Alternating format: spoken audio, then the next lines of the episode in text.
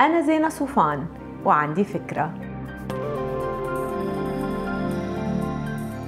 هاي اليوم أكثر من أي وقت مضى منلاقي ناس أكثر وأكثر عم يلهثوا ورا المظاهر. لازم السيارة تكون sport ولازم التياب يكونوا brands ولازم الأكسسوارات تتغير كل شهر. يمكن هيدا الجري صار مبالغ فيه أكثر لما انتشر الإقبال على مواقع التواصل الاجتماعي.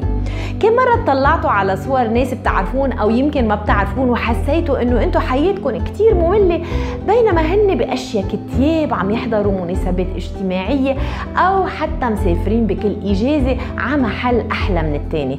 لحظة.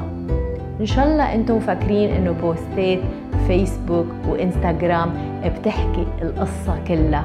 شي مرة شفتوا حدا حاطط صورة حسابه المصرفي بال negative بعد سفرة الكاريبيان؟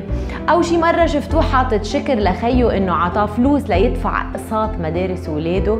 شو عرفكن إنه الناس اللي عم تكتب وتحط هالابتسامات هي ناس مبسوطة وبالها مرتاحة وحاسة بالأمان المالي؟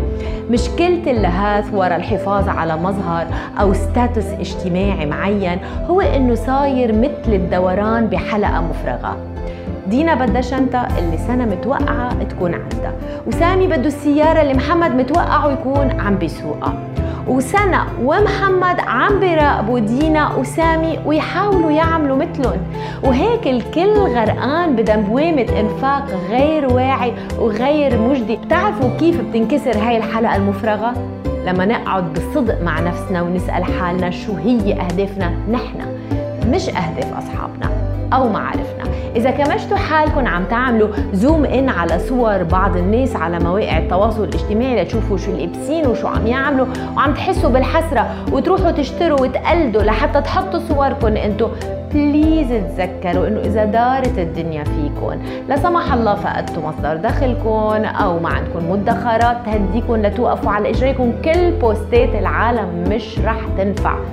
البداية هي وضع الأهداف قصيرة ومتوسطة وطويلة الأجل ورسم خطة للإنفاق والادخار والاستثمار بتخلينا نحققها. بعد فترة من التمرن على الانضباط رح تبدوا تجنوا الثمار وهيدا رح يخليكم أقوى ويحصنكم ضد الحسد والتقليد الاجتماعي الفارغ. وإذا أنتم مدمنين على مراقبة حسابات معينة انقطعوا عنا لبضعة أسابيع لبين ما ترتبوا أفكاركم وخططكم المالية وارجعوا بعدين لتتسلوا وتتواصلوا مع الأصدقاء. وأنتم محميين بميزانية صحية. ما تنسوا تعملوا download للفكرة تعطوها rating وتساعدوني بنشرها bye